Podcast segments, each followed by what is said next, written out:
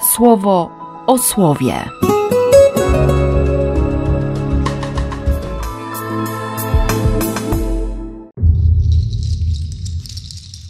Dwudziesty piąty maja, środa.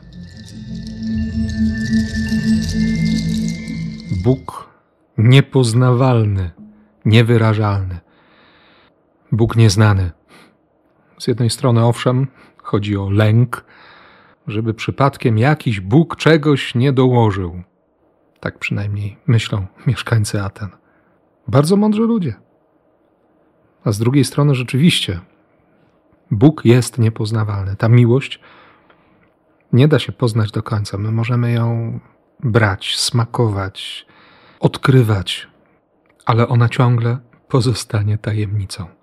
Dlatego też tak fascynuje. Nie zniewala, ale fascynuje, pociąga. Nawet jeśli powiedzą grzecznie, o tym posłuchamy Cię innym razem, to, to ta miłość nie przestanie fascynować. I nawet kiedy człowiek o niej trochę zapomni, kiedy wydaje się, że, że ta miłość się wypaliła, że się relacje pozmieniały, że jest nie tak jak kiedyś, to Duch Boży będzie mówił: wróć, wróć do tej pierwszej, do tej pierwotnej, wróć do tej fascynacji.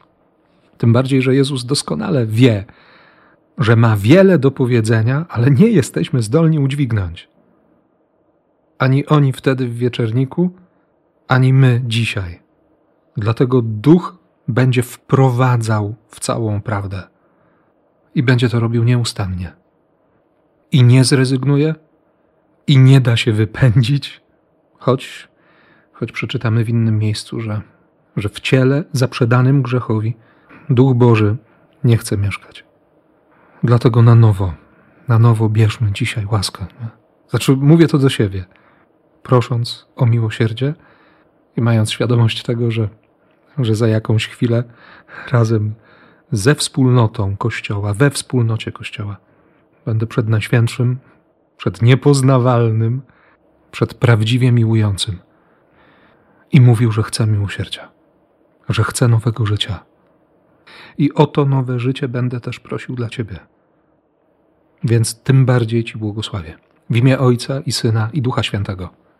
Amen. Słowo o słowie.